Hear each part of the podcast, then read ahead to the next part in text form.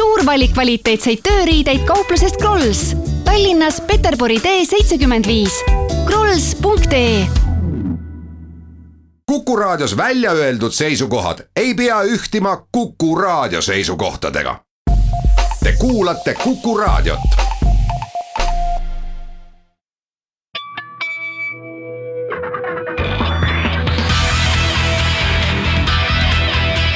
õigus ja õiglus.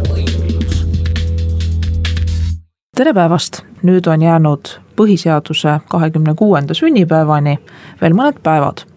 ja sel puhul võtaks käsile ühe põhiküsimuse, mille ümber on vaidlus käinud kõik need kakskümmend kuus aastat ja käis ka sellel ajal, kui praegu kehtivat tuhande üheksasaja üheksakümne teise aasta põhiseadust tehti ehk siis võimujaotus Riigikogu, valitsuse ja presidendi vahel ja küsimus sellest, kuidas keegi neist ametisse või sealt ametist jälle ära saab. ja kes võiks olla sel teemal parem rääkija kui kaks inimest, kes olid selles protsessis vahetult osalised ja on senini demokraatia, riigivõimu ja riigiõiguse teemadega end kursis hoidnud ja, ja ise käsipidi nende teemade küljes nii et tere tulemast saatesse Liia Hänni, kes praegu on E-riigi Akadeemias e-demokraatia ekspert ja Põhiseaduse Assamblees teadekülli redaktsiooni toimkonna esimees, tere Liia. tere. ja oodatult on teine saatekülaline Riigikogu Põhiseaduskomisjoni aseesimees ja siis praeguse põhiseaduse teksti aluseks võetud eelnõu autor Jüri Adams, tere Jüri. tere, tere et küll on huvitav neid vanu tekste lugeda, ma just hiljuti lugesin üle Põhiseaduse Assamblee esimesel istungil, see oli kolmeteistkümnendal septembril tuhat üheksasada üheksakümmend üks. Rein Taagepera ettekande mis muide algas väga võluvalt tol hetkel saalis olnutelt, kokku oli kuuskümmend liiget, tol hetkel siis oli umbes kaks kolmandikku kohal. küsis ta esmalt asjalikult, et kes teist siin oskab prantsuse keelt, tõusis viis kätt. kes oskab inglise keelt, ahah, üle poole teatas Taagepera rahulolevalt. kes oskab saksa keelt, ka mõned käed, väga hea, ta teatas, siis saate tutvuda originaalmaterjalidega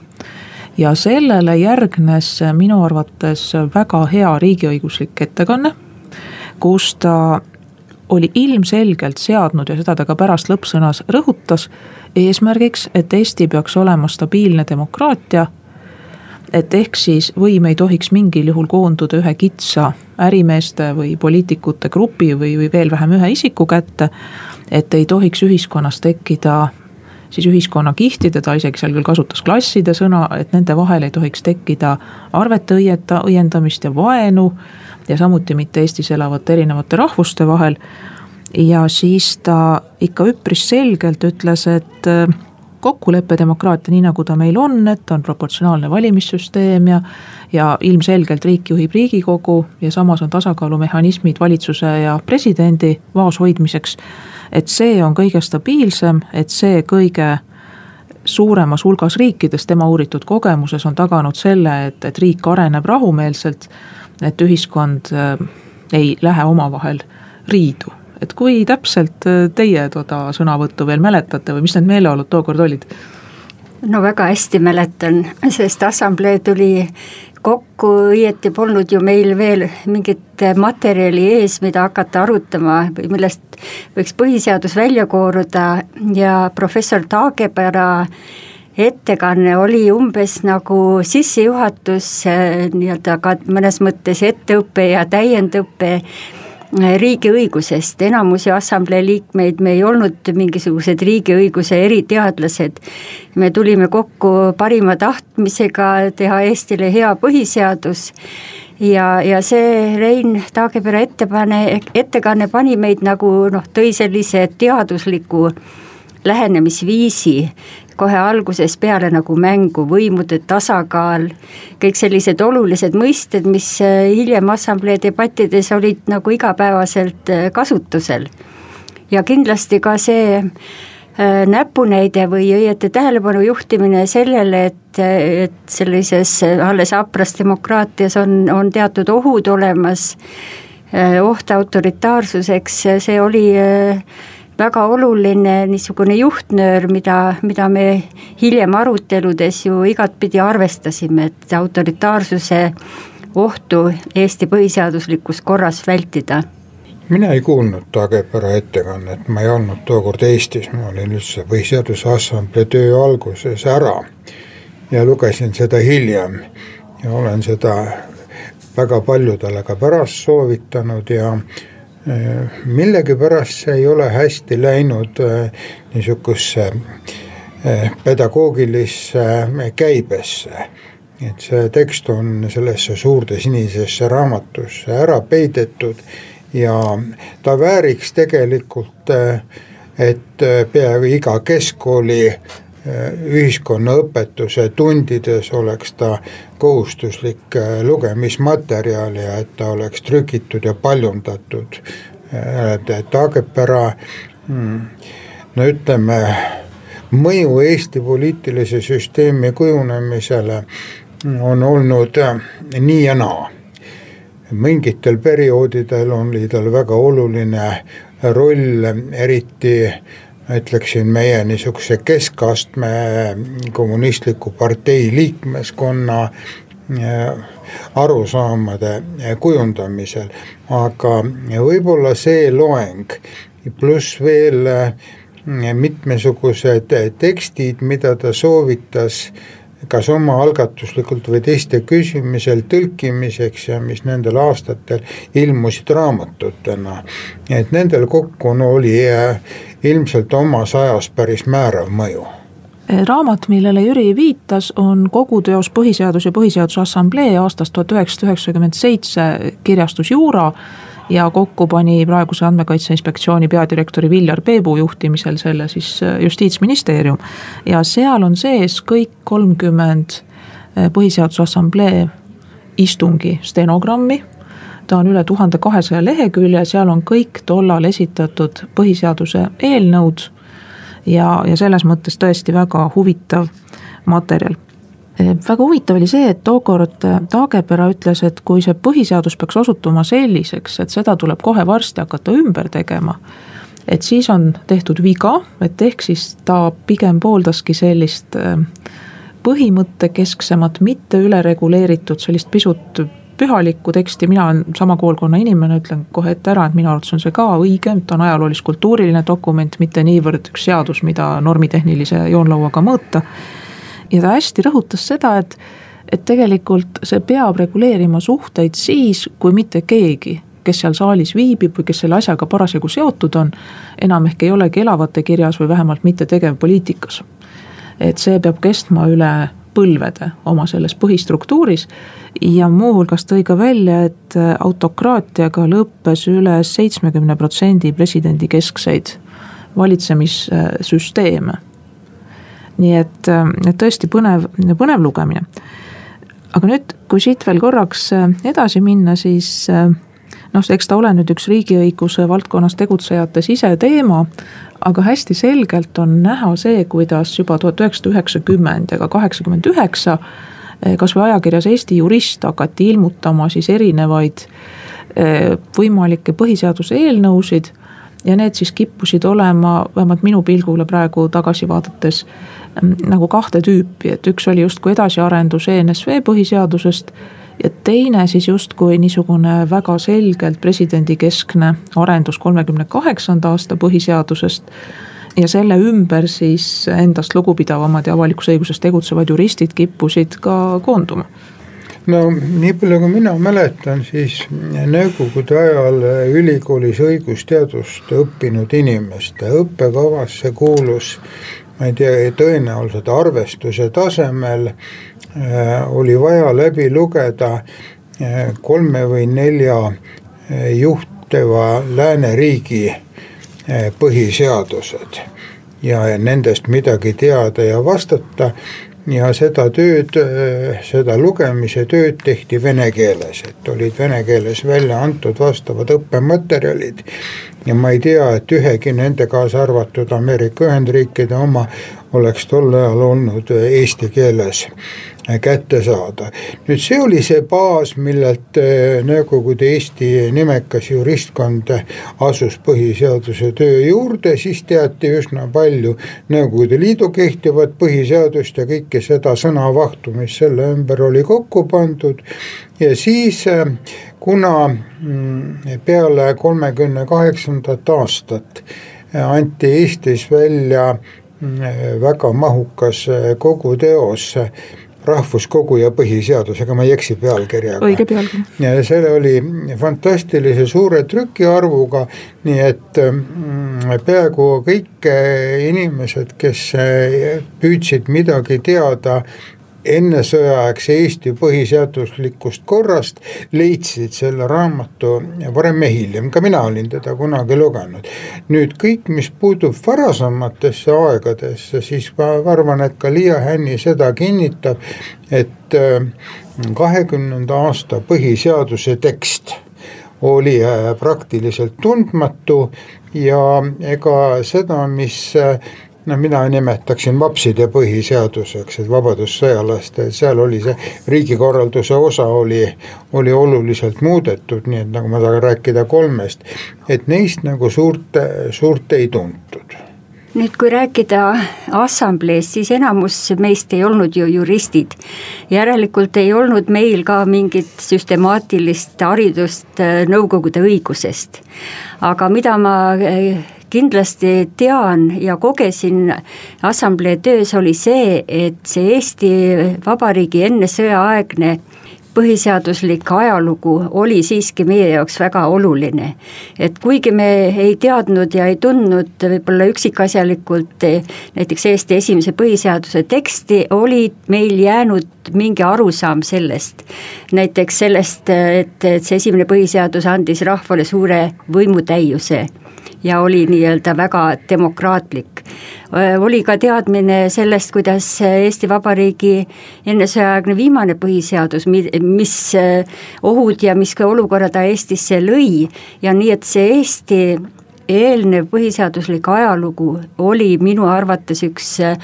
väga oluline allikas ka nendeks aruteludeks ja vaidlusteks, mis toimusid Põhiseaduse Assamblees. ja, ja mina, ma arvangi, et seda põhiseaduse tegemist nagu iseloomustas ikkagi see arusaam, et me oleme siin selleks, et teha põhiseadus, mis peab vastu ajaproovile eh, palju kauem kui, kui need esimesed eh, põhiseadused enne sõda, kus Eestis püüti nagu riigielu ravida põhiseaduse muutmise kaudu, et me peame tegema põhiseaduse, mis sellele ajasurvele peab vastu, mis peab olema selleks piisavalt avar et see muutuv äh, elu, äh, ühiskonna elu sinna raamidesse ära mahuks. ja, ja ma vaid-, mäletan neid vaidlusi, mis meil olidki selle üle, et kui täpselt põhiseaduses üks või, või teine nii-öelda säte kirjutada. ja ma arvan, et me saame nüüd tähistada selle põhiseaduse kahekümne kuuendat aastapäeva, tähendabki seda, et seal oli selli-, seda avarust ja, ja paindlikkust, mis võimaldab siis eluga kaasas käia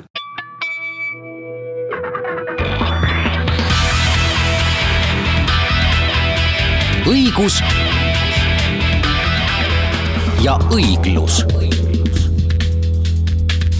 jätkame saadet, räägime täna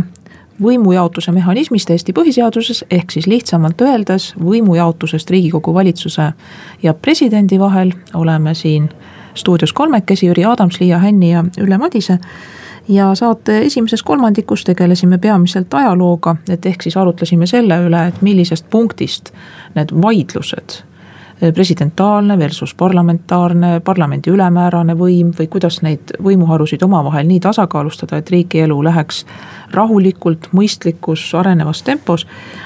et, et meenutasimegi eh, seda ja siis pikemalt peatusime ka Rein Taageperal, kes oli üks juhtivaid eksperte kellel oli väga lai silmaring nendes küsimustes ja ka väga lai lugemus ja kes juba tollal tegi head koostööd ka siis tollal noore ja täna tubli keskealise teadlase Matthew Sugartiga. ja näiteks ühest äh, Rein Taagepera artiklist, mis käis siis juba ühe üheksakümnendal aastal olnud Eesti juristide põhiseaduse projekti kohta et ta oli sellele väga tõsiselt vastu, et see oli tugevalt presidentlik, ta oli selle valulised osad tõlkinud, näidat-, näidanud Matthew Sugartile, kes siis selle peale ütles, et, et see on väga halb, et tema oli lootnud, et Eesti on üks neid riike, kes rabeleb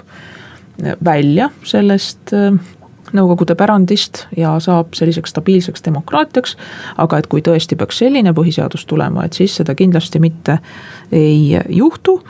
mille peale Taagepera oli küsinud, et, et noh, et kuna Sugart oli uurinud siis Ameerika mandril Mandrit Tell oli uurinud erinevaid demokraatiaid, noh et kas on mõnda analoogi, ta ütles, et jah, mõni halvim, näiteks Peruu ja tõmmanud nina kirtsu et tundus, et nagu need kaks niisugust vaadet, et see kodumaine, mis paratamatult pidigi olema kitsam ja siis see teine, millel oli see niisugune maailma perspektiiv ja kus oli võimalik äh, süsteemselt õppida sellest, et kuidas üks või teine valitsemisvorm aastakümnetega oli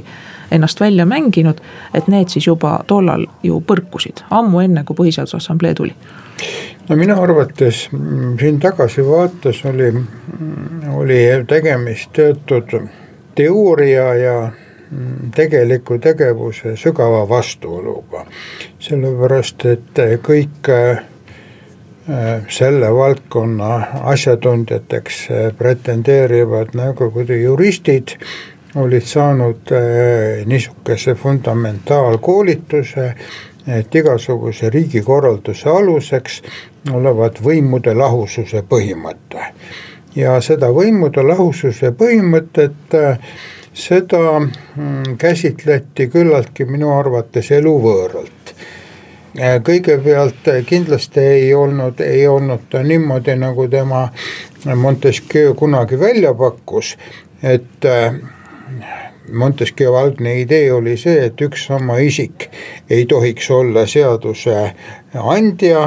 seaduse täideviija ja siis sellesama seaduse alusel äh, kohtumõistja, et tema ei mõelnud seda teistmoodi äh, teoreetiliselt, vaid tema mõtles seda praktiliselt üksikisikute äh, tegevuse valdkonnas. nüüd see teooria on äh, selline noh, ma ei ütle, et ta ajaloo prügikastist oleks, tal on ajaloos väga oluline tähendus. Ameerika Ühendriikide riigikorraldus on selle peale üles ehitatud, aga naljalt mujal ta ei ole ja mina pean tunnistama, et mul on tulnud sellel teemal üsna palju rääkida, aga ma ei ole millegipärast kunagi seda teooriat kui tänapäeval tõsiselt rakendatavat ja tõsiseltvõetavat teooriat mõelnud, minu arvates riigikorraldus eh, on selline, et eh, riigikorralduse põhi otsustused seisavad selles, millised riigiasutused ellu kutsutakse ja millised eh, ülesanded nendele eh, riigiasutustele antakse nüüd eh, siit tuleb see erinevus, et ei ole ka ennesõjaaegses Eesti põhiseadustes ei olnud kuskil, et oleks nii-ütelda võimalik olnud riigiasutusi grupeerida kahte või kolme sellisesse selgesse, selgesse rühma ja neid Montesquieu kolme võimuga kuidagi, kuidagi omavahel seostada, et me, meie põhiseaduses on kujunenud välja äh, ma ei tea, praegu ma ei olnud selleks valmis, aga kunagi ma lugesin kas kuus või seitse või kaheksa ja suhteliselt sõltumatut mhm. asutust mm. -hmm. ja siis äh, nende omavaheliste suhete korraldamisel, seda ma arvan, et redaktsiooni toimkonna esimees Liia Hänni oskab paremini seletada, kuidas see juhtus äh, nende omavaheliste äh, töövormide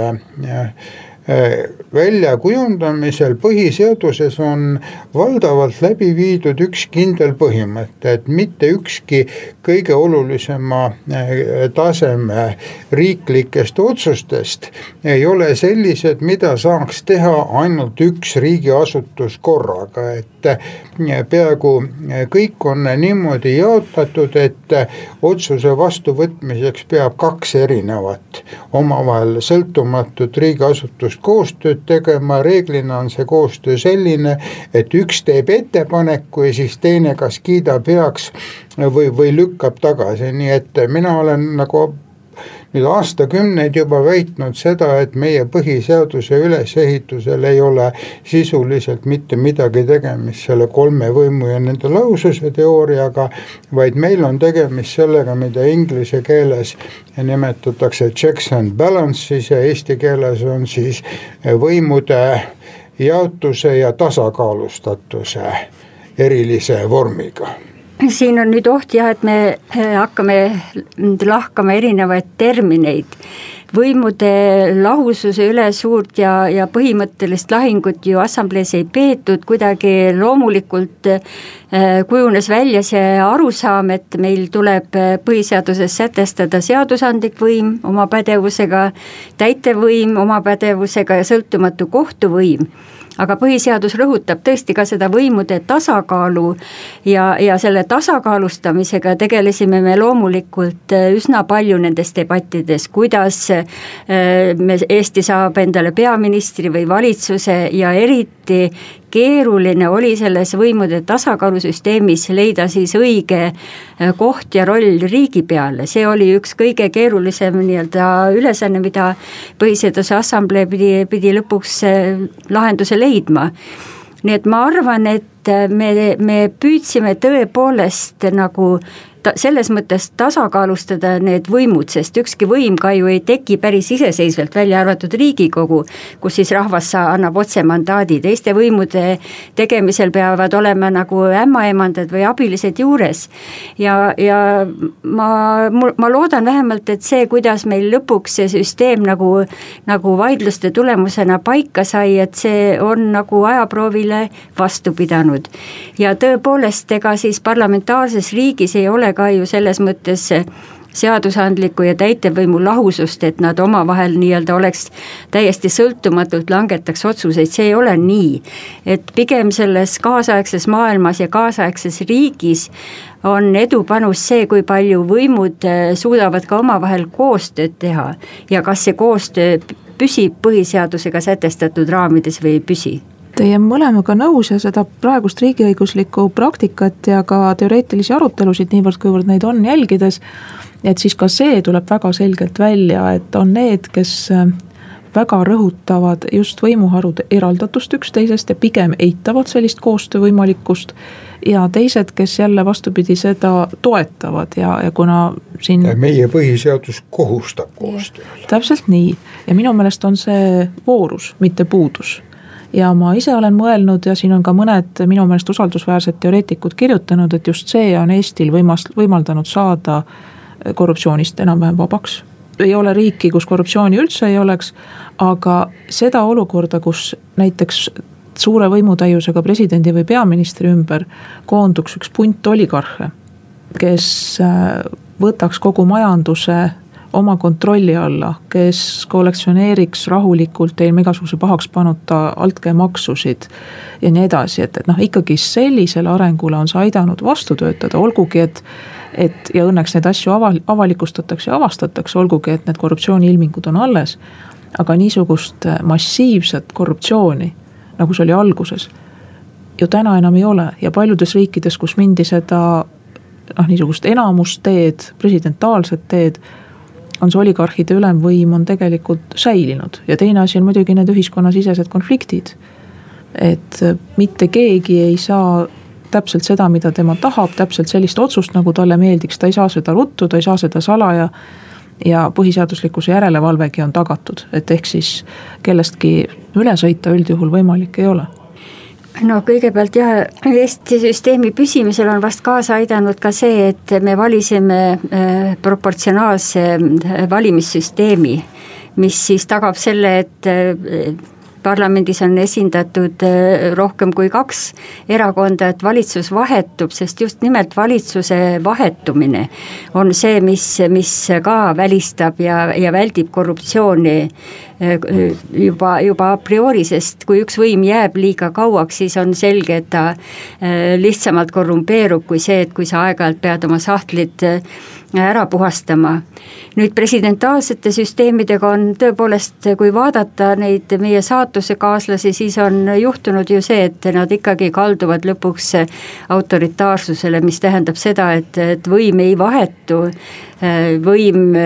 korrumpeerub ja võimu tegelikult usurpeeritakse, nii et see valik parlamentaarse süsteemi kasuks on igal juhul ennast õigustanud. Ja, ja ma vaatan ka, et nendes riikides, kus võib-olla esialgselt mindigi nagu presidentaalse süsteemi teed, nagu Gruusia näiteks, on ikkagi õpitud sellest ajaloost ja püütakse nüüd nagu käigu pealt üle minna. eh, rohkem parlamentaarsele süsteemile, aga jah, meie tegime selle selle valiku kohe alguses ja ma arvan, et seda mõjutas ka ikkagi see kolmekümne kaheksanda aasta põhiseaduse ja, ja sellelt nagu tulenevalt ka no need otsused, mis Eesti riigi suhtes langetati, et see ajalooline raske kogemus äh, nagu lihtsustas seda valikut äh, parlamentaarse süsteemi kasuks ja mis on päris naljakas, et seda oleme siin saateski mitu korda rääkinud, et et see on jälle üks valdkond, kus äh, sõnad ja teod ja siis see riigiõiguslik äh, sügav teadmine kipuvad olema justkui kolm eri maailma. et näiteks sõnades väga sageli öeldakse, et oo, et Eesti ühiskond on nüüd nii küps, et peaks rahval olema õigus presidenti valida ja sinna ei järgne lauset, et seoses sellega peaks olema presidendil ka võimalik valimistel midagi lubada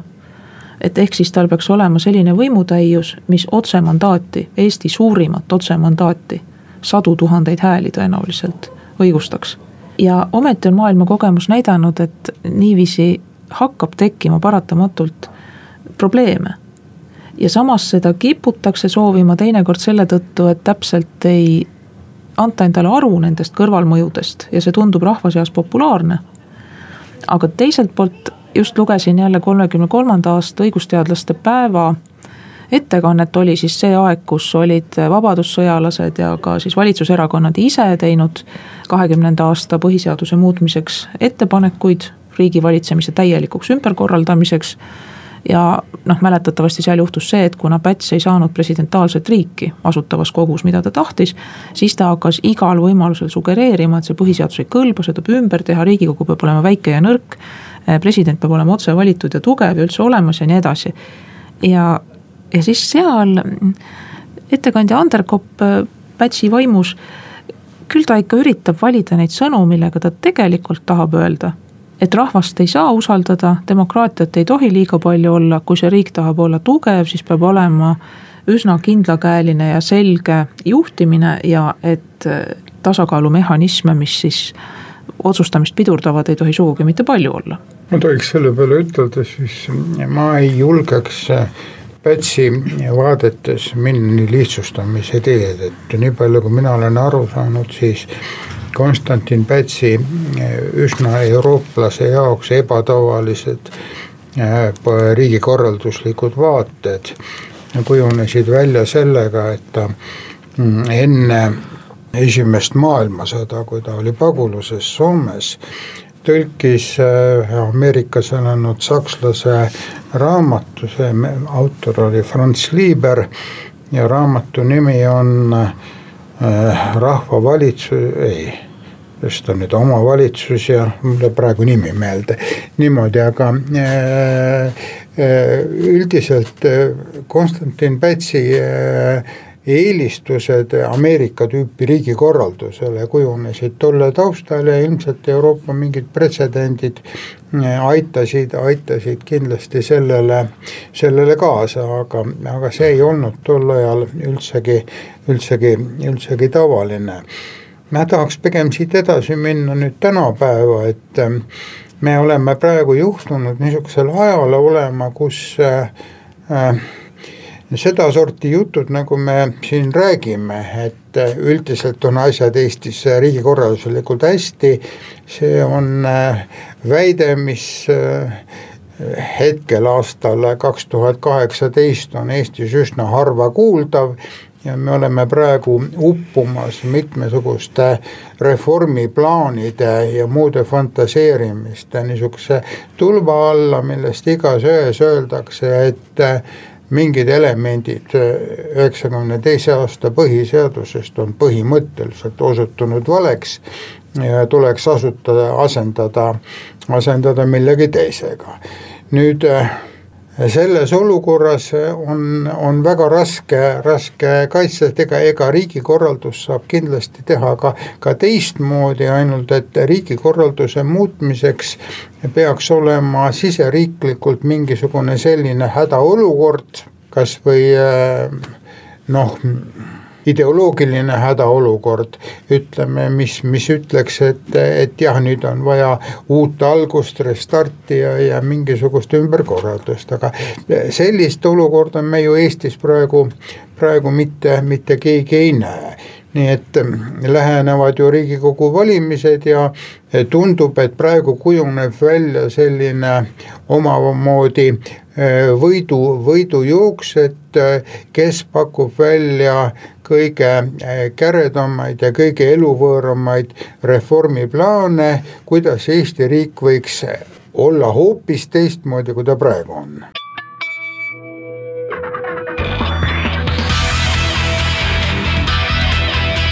õigus ja õiglus oleme jõudnud oma põhiseadusliku võimujaotuse teemaga kaasaega, Liia Hänni, Jüri Adams ja Ülle Madise. ja hakkamegi siis uurima, sest tõepoolest, kui see põhiseadus sai rahvahääletusel enam kui üheksakümne protsendi osavõtjate häältega heaks kiidetud, et siis kohe hakkasid ka ilmuma vähemusse jäänutelt artiklid, mis on iseenesest väga huvitavad lugeda. ja ma arvan, et niisugune kriitika ja see arutelu ongi väga terve, see on väga vajalik peamine on lihtsalt, et ei teki ühiskondlikku mitte millelgi põhinevat uskumust. et need päris probleemid, mis meie ühiskonnas on olemas, näiteks lokkav bürokraatia, mis on noh, praktiliselt selline nagu Hindrek-Peeter Meri väga hästi kirjeldab nõukogudeaegsest plaanikomitee ajast, kus viiekümne seitsmest inimesest sai valitsemiskulude kärpimise tulemul, tulemusel kaheksasada. et ega tegelikult see on meil praegu ka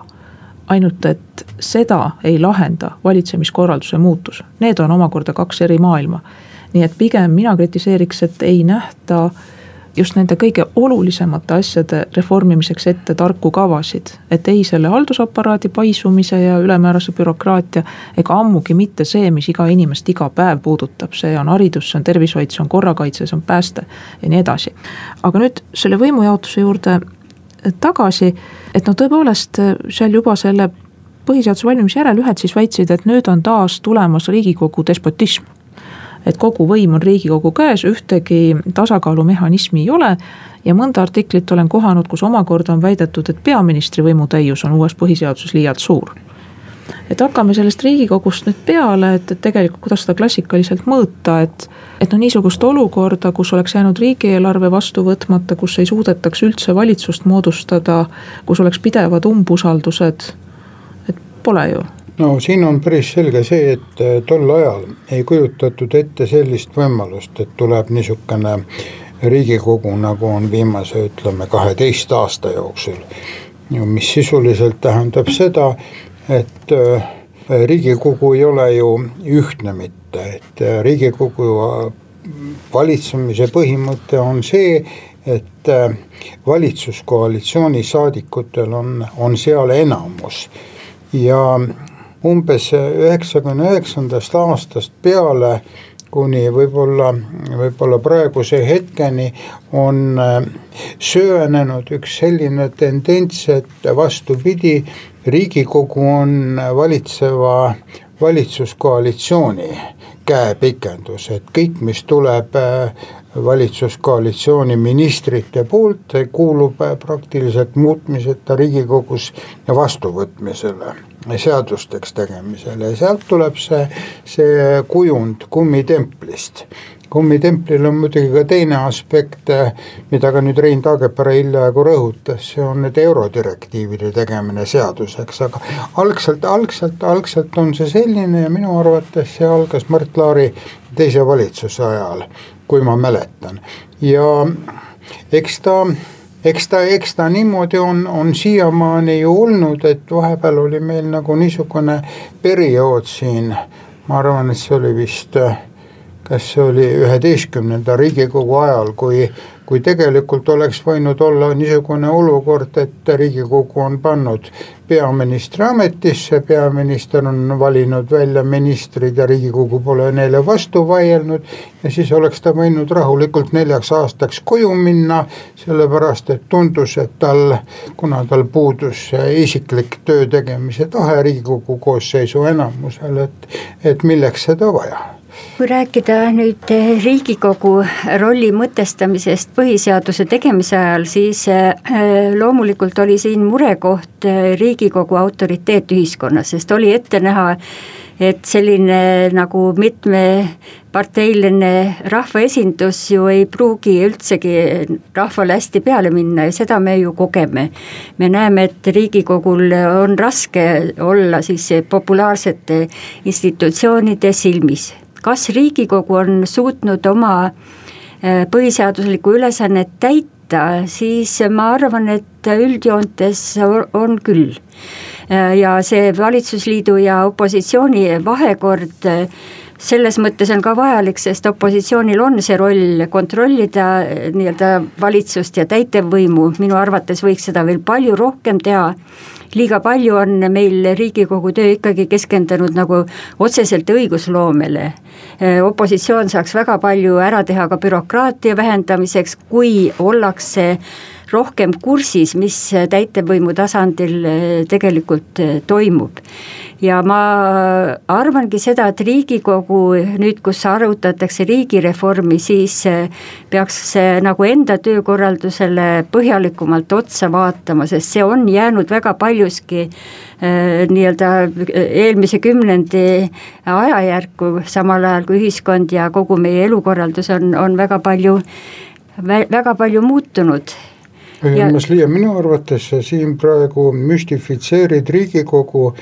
töövormide muutmiseks näiteks seda ma olen nüüd kolm aastat olnud Riigikogus me oleme teinud opositsionääridena mitmesuguseid ettepanekuid, et Riigikogu kodukorda muuta, see tähendab ka seda töö sihitust ja me oleme saanud mõlemalt valitsuskoalitsioonilt, alguses Reformierakonna ja praeguse Keskerakonna valitsuskoalitsiooni ja vastused ei, meie ei muuda midagi, meid täiesti rahuldab olemasolev Riigikogu töökorraldus aga no võib-olla siis tuleb meil natukene siin kodanikena ka endale otsa vaadata, et kui, kui nõudlikud me oleme, kui palju eh, me siiski tunneme nagu eh, huvi eh, rahvaesinduse töö vastu ja, ja näitame välja, et me tahame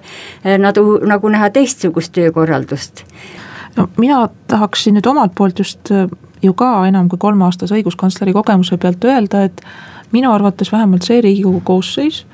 on, sõltub muidugi konkreetsest komisjonist ja sõltub konkreetsest komisjoni liikmest. aga väga paljudel juhtudel näidanud, et Eesti elu murekohad, mida teinekord ka valitsus või ministeerium noh, ei tahagi ette võtta, sest seal on omad tööplaanid ja eurorahade pööritamised aega pole. aga riigikogu on valmis ära tegema ja mina tahan kiita ka seda praegust opositsiooni, et kasvõi Jüri Sind, et et ega see ei ole alati nii olnud, et ollaksegi valmis esitama oma reaalseid alternatiive. et alati on arupärimised, alati on infotunnis küsimused ja see on tegelikult materjal, mida kasvõi eh, õiguskantsleri ametkond ja et ma loodan, et ka näiteks meedia ja asjahuvilised kodanikud eh, jälgivad ja loevad.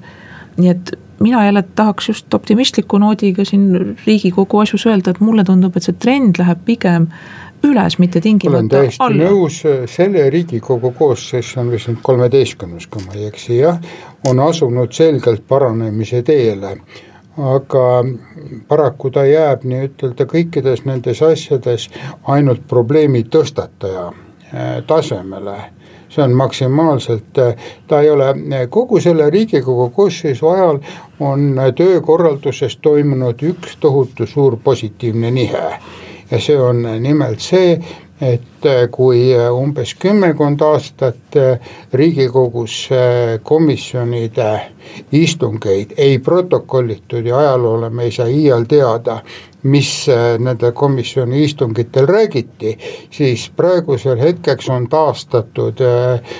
komisjonide koosolekute protokollimine, vähemalt põhiseaduskomisjonis on see kujunenud väga professionaalseks, suur tänu kõigile nendele inimestele,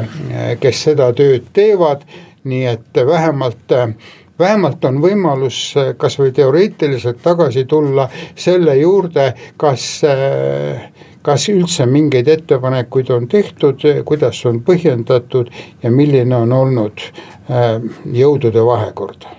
kui me nüüd tuleme valitsuse ja peaministri juurde, siis siin jällegi kõik, kes pakuvad, et peaminister peaks saama ainuisikuliselt ja rohkem otsustada, mulle jälle tundub, et just seda kokkuleppe, demokraatia ja koalitsioonivalitsuse vaimu võib-olla päriselt ei,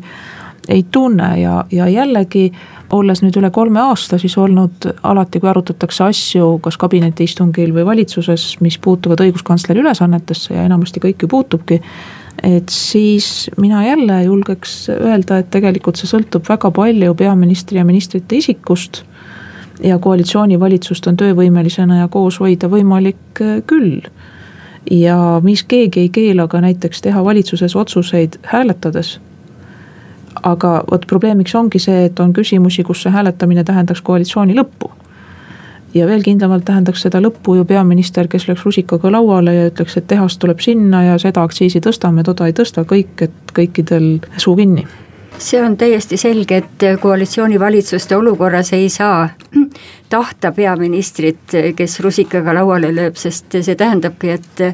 et valitsuskriis on, on paratamatult äh, tulemas, kokkuleppe demokraatia on ju see, mida me hindame ütleme Soome puhul, Rootsi puhul ja, ja äh, mis on Eesti jaoks ka selline tee, mida minu arvates Eesti ühiskond vajab, liiga palju on konflikte, äh, inimestele läheb, läheb korda see, et poliitikud liiga palju nagu vaidlevad omavahel ja, ja tihtipeale ka tigedalt vaidlevad, et noh, rohkem peaks olema sellist konstruktiivset ühisosa otsimist, äh, mis siis äh, ka kindlasti rahva silmis tõstab Riigikogu aktsiaid. ka valimised on tulemas, aga me peame valmis olema muidugi selleks, et, et see poliitiline võitlus ägeneb, tõenäoliselt tuuakse ikkagi ka põhiseaduse muutmine nagu uuesti päevakorda kuigi mulle tundub, et äh, põhiseadus ise kaitseb siin üsna hästi ennast, põhiseaduse muutmiseks on ikkagi vaja äh, üsna suurt üksmeelt või siis vähemalt pikaajalist üksmeelt läbi mitme Riigikogu koosseisu. No kaks märkust valitsuse töökorralduse kohta, üks on see, et ähm, ka kuni kahe tuhande kolmanda aastani, kui ma olin Riigikogus, siis oli veel täiesti normaalne, et valitsuse koosolekul hääletati otsust nüüd, kui ma tulin tagasi kaks tuhat viisteist, siis selgus, et keegi enam ei mäletanud aega, kuna viimati hääletati, mulle seletati tookord, see oli Taavi Rõiva valitsuskoalitsiooni moodustamisel, et see olevat Euroopa Liidust üle võetud komme, et valitsus peab kõik otsused tegema konsensusega, mis tähendas seda, et tegelikult see, kellel on tugevam tagumik, kes suutis kauem istuda, see lõppude lõpuks peale, sest ülejäänud tüdinesid ja läksid ära, nii et see on nüüd praegusel hetkel norm. keegi tõeliselt ei mäleta, kuna viimati oli. teine suur erinevus on see, et äh, kuni kahe tuhande kolmanda aastani oli üleüldine arusaam, et kui keegi pannakse ministriks, siis ta peab seda valdkonda tundma peale kahekümne tuhande kolmandat aastat see äh, valdkonna tundmise nõue äh, kadus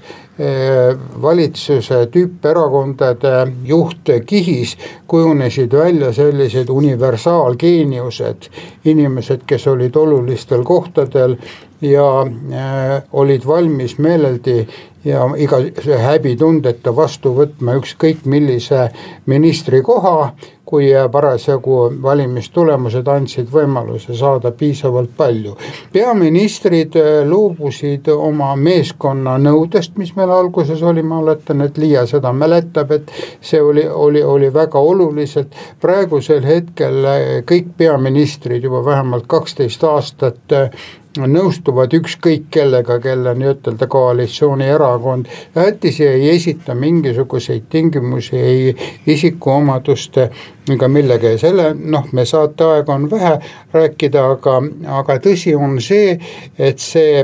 kvalifikatsioonioskuse nõudmisest loobumine viis sellele nähtusele, mis praegu on, et sisuliselt äh, ministeeriumi valitsevad kantslerid ja, ja minister võtab ainult populaarsust ja au ja siin paneme täna tõesti punkti, aga on selge, et me peame selle valitsuse teema juurde tagasi tulema.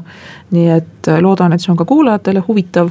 tänan meid kuulamast, aitäh, Jüri Adams ja Liia Hänni ja kuulmiseni.